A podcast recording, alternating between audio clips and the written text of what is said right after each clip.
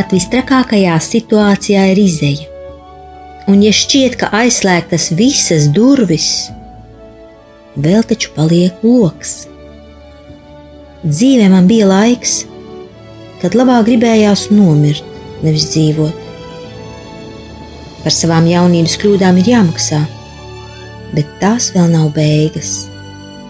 Dievs man atvēra logu un dāvāja jaunus spārnus, lai mācos atkal lidot viss ir iespējams. Tikai tici, ceri un mīli. Dievs ir ar tevi arī tad, kad tu to nejūti. Es to zinu droši. Laura. Šādi vārdi ir uz grāmatas pēdējā vāka.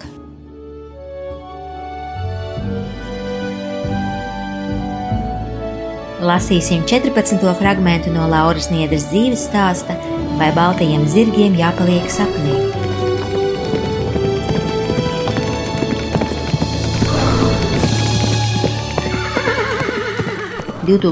gada 2. maija. Sveiks, mazais špicbuk! Nu, gan tev raksturiņš lienā ārā. Nezinu, ko ar tevi darīt.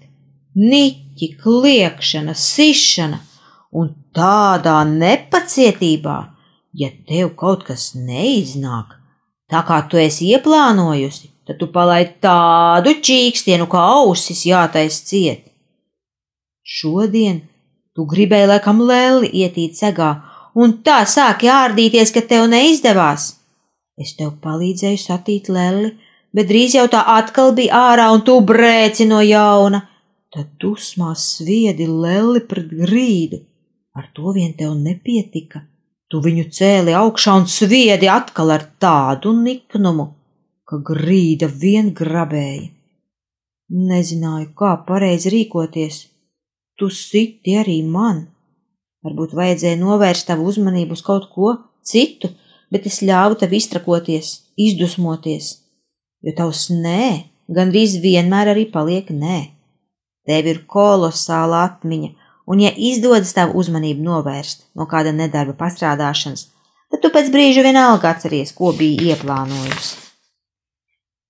Kaut arī tu mēs dažreiz šādi ārdīties, tad ir arī gadījumi, kad tu pacietīgi veic to, ko esi nodomājusi. Šodien tu atnesi no veikala veselu kilogramu ābolu, kā pārdevēja ielika tev rociņā, tā tu vairs vaļā nelaidi gāja pa ielu kā lielā, nedaudz zaudēdama līdzsvaru pie sīkiem kukurznīšiem. Tev nebija ērti nest, jo maisiņš bija parasts bez osiņām. Āboli sāka ripot ārā. Es piedāvājos panest, bet tu neļāvi. Tā arī stiepi, mainīdama pozu, gan šā, gan tā. Tāpat tu šodien pirmo reizi cītīgi mizoji kartupeļus. Paņēmi nāzi kartupeli, apsēdies uz taburetes pie izlietnes, kur es parasti sēžu, un pieprasīja, lai tev priekšā noliek miskasti. Ātrunāt man tevi neizdevās, un tā kartupelim sākās grūti laiki. Tas tika durts, urbināts un bakstīts, brīžam iedzini nazi tā, ka pati vairs nevarēja izvilkt. Pa kādam mazam mīzes gabaliņam tev tomēr izdevās norubināt, un tu ar prieku un lepnumu to smeti miskastē. Kad ar nāzi palika par grūtu, tu noliki to sev blakām un mēģināji kartupeli skrubināt ar pirkstiem. Es teicu, ka mums šodien kartupeļi nebūs vajadzīgi, bet tu biji ieplānojis citādāk. Man nekas cits neatlika, kā tikai vērīgi sekot naža zibēšanai un laikus paspēt pabrīdināt par briesmām. Tu ļoti cītīgi proti skalināt arī mazās biksītes. Tu to dari katru vakaru tā, ka visi muguras muskuļi kust. Nesen, kad man bija veļas diena, ielēju arī tev bļodā ūdeni, iemetu tavas zeķītes un iedevu ziepes. Tā, kamēr es ar rokām izberžu visu, kas bija vannā, tu ņēmies ziepēdama un ņurcīdama savas zeķītes vislielākajā cītībā. Lai tevi dabūtu ārā no smilškastes, ir jāizgudro visādi brīnumi, bet ja neizdodas, tad vienkārši jāņem opā un jānes mājās. jo labprāt smiltiņas atstāt tu nēsi ar mieru. Ko tu tur tik ilgi vari darīt? Krāmē smiltis trauciņā, ber ārā, atkal iekšā, atkal ārā, un tev neapnīk. Pareizei, tu uzrāpies slitkalniņā un brauc lejā. Visi brīnās, ka tāds knausis pats raušas augšā un guļus laiž lejā. Tev patīk arī kāpelēt pa vingrojumām sienām. Tu mēdz pakāpties un atlaist kājas vaļā, paliekot tikai rokās. Ak, tu mazā pusotrgadīgā stipriniece!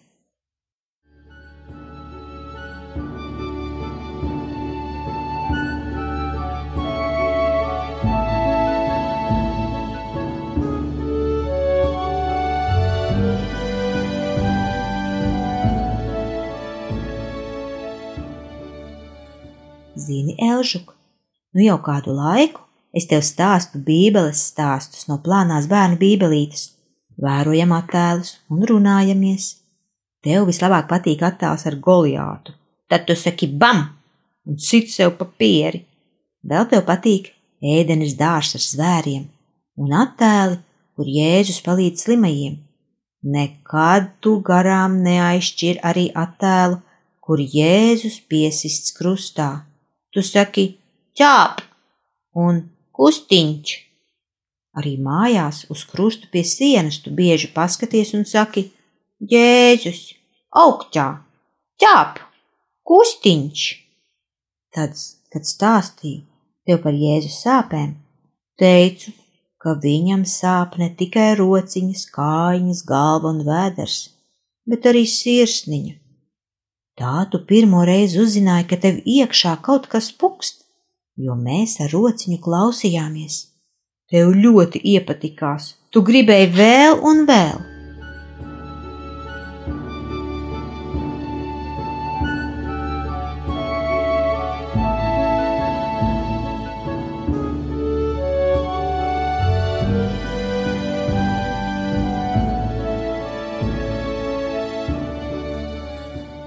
Pirmajā jūnijā. Savā gada un deviņu mēnešu jubilejā tu iesoļos skaisti noklāta ar pumpām no pieres līdz papēžiem. Tev pielipus kaut kāda neparasta sērga, ko mūsu ārste nespēja pat nosaukt vārdā. Sapirkos zāles par 11 latiem. Cerams, ka palīdzēs. Tu kasies tik drausmīgi, ka žēl skatīties. Brīžiem uznāk tādas lēkmes, ka nezini, kur likties. Man pat vienu brīdi šķita, ka tev bite ielidojas matos, jo tu tā jocīgi lēkāji, purinājies un raustījies. Viss trakākais ir naktīs. Vienu nakti tu pat raudāji divar pus stundas no vietas. Tētis gan laikam neko nedzirdēja, jo saldi gulēja turpat blakus. Vispirms es tevi mierināju un ajāju, pēc tam bāru un ļāvu brēkt pēc tam atkal mierināju un šūpoju, līdz beidzot tu iesnaudies. Ieliku tevi gultiņā, miers. Galīgi nogurusi, klusiņām aizlavījos līdz toletei. Nācu atpakaļ, tu jau atkal stāvi. Tas man bija par daudz. Pārbaudījumi jau nevarētu būt pāri mūsu spēkiem, jo Dievs to ir apsolījis taču es neizturēju. Es sāku bezspēkā raudāt. Es raudāju un raudāju, un teicu Dievam, ka man tas ir par daudz. Nevarēju tev dot arī pierasto mierinājumu krūti. 21. maija rītā pabaroju tevi pēdējo reizi un izlēmu, pietiek. Tik liels bērns moka mammu ar zīšanu. Kad pēc divām stundām tu prasīji atkal, es teicu, ka pieniņš saskābis. Tu, protams, neticēji. Es jau šādam gadījumam biju sagatavojusi samērā stipru citronskābi šķīdumu. Aizskrēju, apsmērēju krūšu galus, tad vēlreiz tevi brīdināju, ka pieniņš saskābis, bet tev tik ļoti gribējās. Šito vajadzēja redzēt. Tavu nabaga sašķobīto ģīmīti un to, kā tu purinājies un raustījies. Izraustījusies, tu viltīgi pasmīnēji un teici: Otru! Tev bija cerība, ka otrs nebūs saskābis. un atkal tu iegrābies. Nabaga bērns. Vēl daudzas, daudzas reizes pēc šā rīta tu prasīji pupu. Es tev arī biju gatava dot, piepriekš tikai atgādinot, ka pieniņš saskābis, un tu atcerēdamās tā rīta mācību nemēģināji zīst vairs nereizi, tikai pieglaudies krūtī, pabučoji, paglaudīji, pagulēji.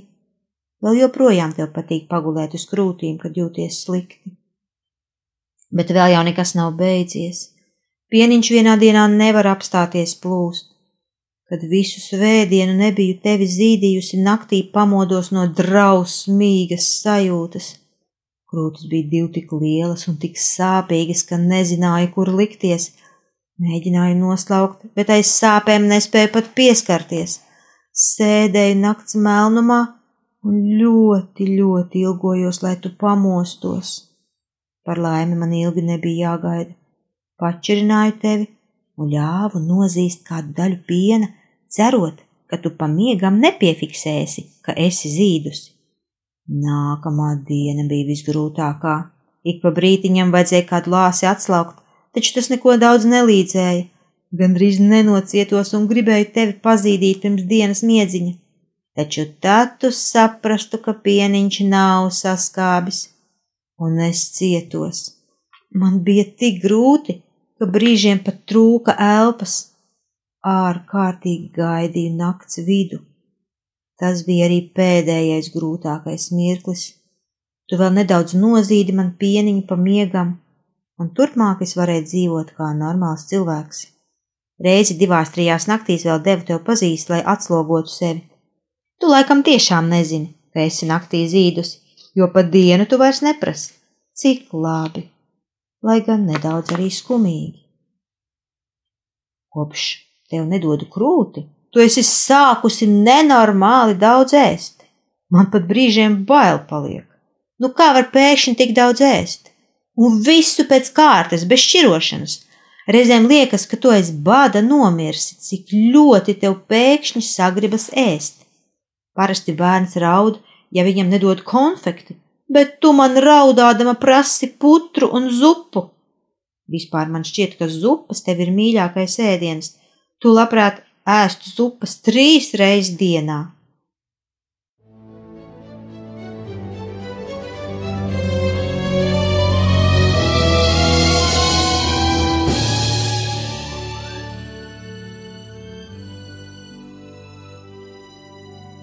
Laura atkal jūtas dīvaini. Šorīt viņa kā parasti aizgāja uz rīta skrējienu, taču nespēja paskriet. Tāds nogurums, ka gandrīz rāpus jālien pa stadionu. Laura devās uz mājām un vismaz centās veikt dažus rīta vingrojumus, taču sajūta savādas velkošas sāpes vēderā. Tā arī vingrošana bija jāpārtrauc. Nu, Laurai no prāta neiziet šī dīvainā velkošā sajūta.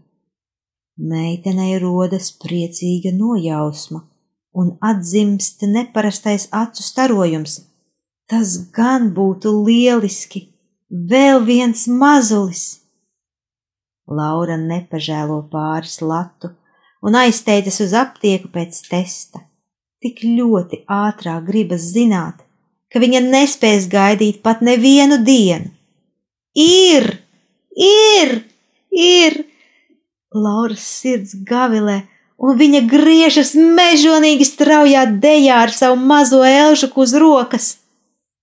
Kad deja norimst, Laura ieceļ meitu cigultā un kā vislielāko, brīnišķīgāko noslēpumu pačukst viņai neparastos jaunumus. Vai zini, tev būs māsiņa? Tagad viņa ir šeit, manā puncī, ļoti, ļoti maziņa, tikai klusu. Pagaidām tas būs mūsu noslēpums. No šī brīža mazais elžuks bieži pieskrien pie mammītes, noglāsta viņai puncīti un čukstas saka – māsiņa vēderā ar vislielāko mīļumu un noslēpumainību. Laura pasaka Gatim par savām aizdomām, bet prieka vietā dzird vārdus, kurus nekad nebija gaidījusi no ticīgā vīra. Mēs nevaram atļauties vēl vienu bērnu. Ar naudām ir ļoti grūti, un mums taču divi jau ir. Tev vajadzēs taisīt abortu, ja izrādīsies, ka tā ir patiesība. Laurai tumšs nogriežas gar acīm. Meitenē paliek tik slikti, tik smagi, tik sāpīgi, ka viņa kādu brīdi nespēja pat atbildēt. Atguvusi elpu, Laura nosaka: Gati, abortu es netaisīšu nekad. Tas ir grēks. Kā tu vari vēlēties nogalināt savu bērnu? Tas jau vēl nav bērns, tas tikai tāds embrijs, nevērīgi izmet vīrs. Bet Dievs viņu ir radījis ar kaut kādu īpašu mērķi un saskaitījis jau visas viņa dienas. Lauras acis ir lūdzošas mīlestības pilnas. Ej, nu dari, kā zini! Vēl jau nemaz nav teikts, ka viņš ir. Laura zina, ka viņš ir. To meitene zina ar katru savu dzīvības šūnu, un viņa zina arī to, ka nekad netaisīs abortu. Nekad! Vai slims, vai vesels, vai gribēts, vai negribēts, bet katrs bērniņš ir dieva dāvana, un viss ir dieva mīļajās rokās. Laura paņem jaunu kladi un uz tās vāka uzlīmē visbrīnišķīgākās zīdaiņa pēdiņas zilā sedziņā, izgrieztas no mana mazā. Tad viņa atver pirmo lapu un raksta. Kā tauriņš maigiem spārniņiem sit viegli, viegli, viegli tā man zem sirds tur dziļumā sit bērniņš, liegi, liegi. Tuk, tuk, vai mani sajuti? Tuk, tuk, vai mani dzirdi? Tad noglāsti un nopaijā un iepriecē man sirdi. Es maza, maza sirsniņa, bet jūtu, ko tu domā Es jūtu, ka tu priecājies un ka tu sliktā omā. Šeit, šajā tumšā pasaulē, tu vienīgā man esi. Tu, mana mīļā mammīte, kas man gaismai nesi.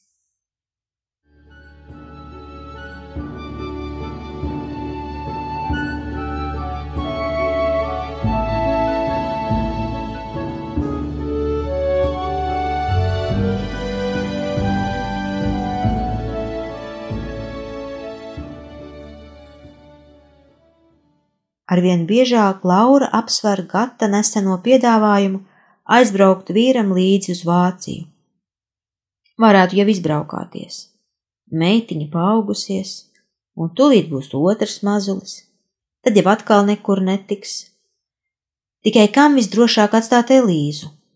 Vīra māte var būt pārāk veca, lai izskrēdītu līdzi tik uztīgam nepilnus divus gadus vecam mazulim bet pašas tētis strādā.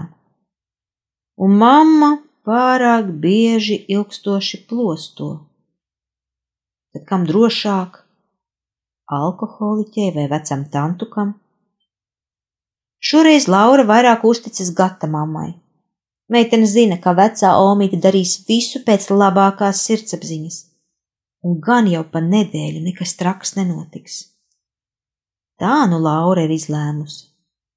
Meitene brauks vīram līdzi uz Vāciju un Holandi, kur viņam jāiegādājas jauna mašīna. Saldās mīļās atvadu bučas un mašīna aizripo.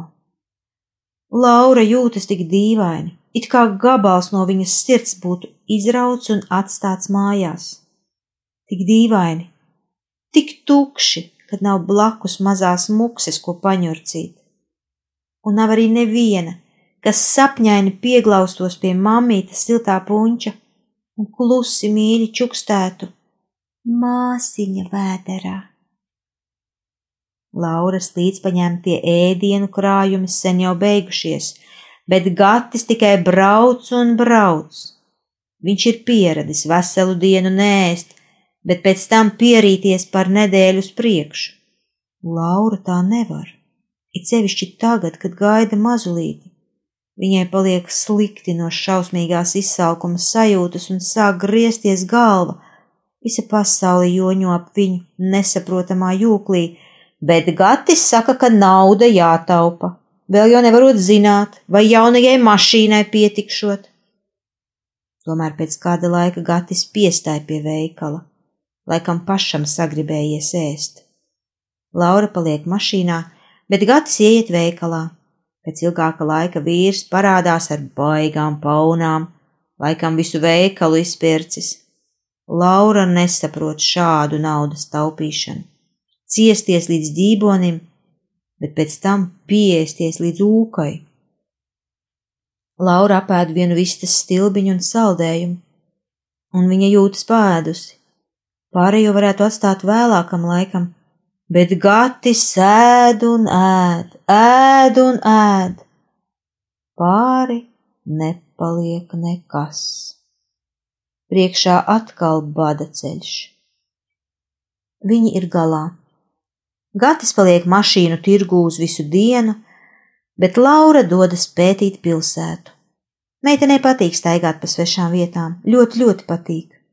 Tikai kabatā negraša un maizes nekumosiņ. Laura iet un iet un iet un brīnās un cītīgi ievēro ielas, lai atrastu atpakaļceļu. Viena stunda, divas stundas, trīs. No lielās staigāšanas sāk vilkt vēderu, un no bada šķiet, ka varētu sākt pat ubagot. Laura staigā gar veikaliem, un par to tikai domā, kā tas būtu, ja palūgtu kādam pāris monētu vislētākajai bulciņai. Tomēr meitene to neizdara. Viņa apsēžas parkā uz soliņa un pūtina nogurušās kājas. Laika vēl tik daudz, bet arī atpakaļceļš vēl tik tāls. Gatis ir mašīnu nopircis, ne tādu, kādu bija meklējis, bet pat daudz labāku. Viņš ir ļoti priecīgs, un iesākas māju ceļš. Laura nespēja viens sagaidīt, kad viņa varēs apskaut savu mazo meitiņu. Atpakaļceļā Gatis vēl piestāja pie vairākiem lielveikaliem. Būtu jauki, ja mēs kaut ko nopirktu Jānim, bilst Laura. Viņam taču tūlīt būs dzimšanas diena. Es zinu, pēc kā viņš ilgojas, viņš man pačukstēja. Šoreiz nesenāks, saka Gatis. Gan jau iztiks.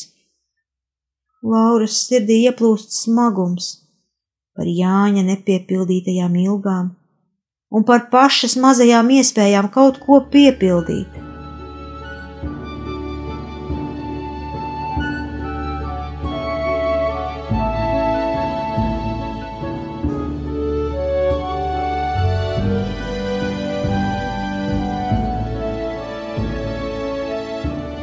Par tēva neieinteresētību, skumjš smagums. Viņu kopdzīves laikā Laura nav redzējusi, ka Gatis Jansim kaut ko dāvinātu. Pat tā kārtīgi aprunājies viņš ar savu dēlu nav. Skumji. Laura aiz gara laika sāk sapņot par savu jauno darbu. Pirms aizbraukšanas meitene bija sameklējusi sev audzinātājs vietu tuvējā bērndārzā, vismaz nedaudz paspējis pastrādāt pirms mazuļa piedzimšanas tā apnicis sēdēt mājās. Laura aizsapņojas tik ļoti, ka acu priekšā viņa jau redz Ziemassvētku iestudējumu. Atliek tikai pierakstīt redzējumu, lai pēc tam, pirms svētkiem, nebūtu jālauz galva. Tā meitene tver papīru un nelīdzeniem ķeburēniem burtiem raksta par eņģeļiem un Ziemassvētku brīnumu. Rakstot laiks skrien kā ar vējas pārniem, un mašīna jau tuvojas Latvijas robežai. Ir agars, agars rīts, nogurusi, izsalkusi un ārkārtīgi noilgojusies pēc savas mazules. Laura kāpj uz otro stāvu. Gatis uzreiz aizbrauc kaut kādās darīšanās, pat iekšā neienākdams, bet Laura trīcošu roku vērs savas istabas durvis. Vai viss būs kārtībā? Vai tiešām viss būs kārtībā? Elžuks vēl saldi guļ. Mazs, mīļš, silts radījumiņš, visdārgākais cilvēciņš pasaulē. Tikpat sādi guļ arī Omīte un Jančuks. Izskatās, ka viss patiešām ir kārtībā. Laura nespēja vien sagaidīt, kad meitiņa modīsies. Viņa tik karsti ilgojas apskaut un samīļot šo brīnišķīgo cilvēciņu, ka gandrīz nespēja rast mieru. Un beidzot viņa mostas, šī mīļā mazule. Taču viņa aiztipina pie omītes. Gaidīto spiedzošo gaviļu un apskāviena vietā Elīze stāv istabas stūrī un nesaprotami lūr uz mammu. Tēlo, ka nepazīst, izspēlē lielo aizvainojumu, kāds viņai radies, kad mamma uzdrošinājusies aizbraukt. Stāv un lūr, un klāt nenāk. Lauras sirds vai plīst. Viņas mīlestībā izplastās rokas paliek tukšas, tik tukšas, bez mīļās meitiņas ciešā apskāviena. Laura iet uz virtuvi vārīt ierasto putru. Elīza seko un vēro. Viņas apspriež putras vārīšanu, un maz pa mazām meitiņa iesilst. Varbūt viņa atsauc atmiņā tos daudzos mīļos brīžus, kad kopā strādāja virtuvē. Nu jau viņas darbojas kopīgi, un drīz vien aizvainojuma kalnis sadrūp. Četras izplastas rokas neatturami tiecas viena pēc otras, un šajā agrajā rīta stundā virtuvē karsti samīļojas divi laimīgākie cilvēki pasaulē māte un bērns. Nekādu kalnu, nekādu jūru, nekādu varu nešķirami. Tas bija 14. fragments no Lauras Niedras dzīves stāsta, vai baltajiem zirgiem jāpaliek sapnī. Thank you.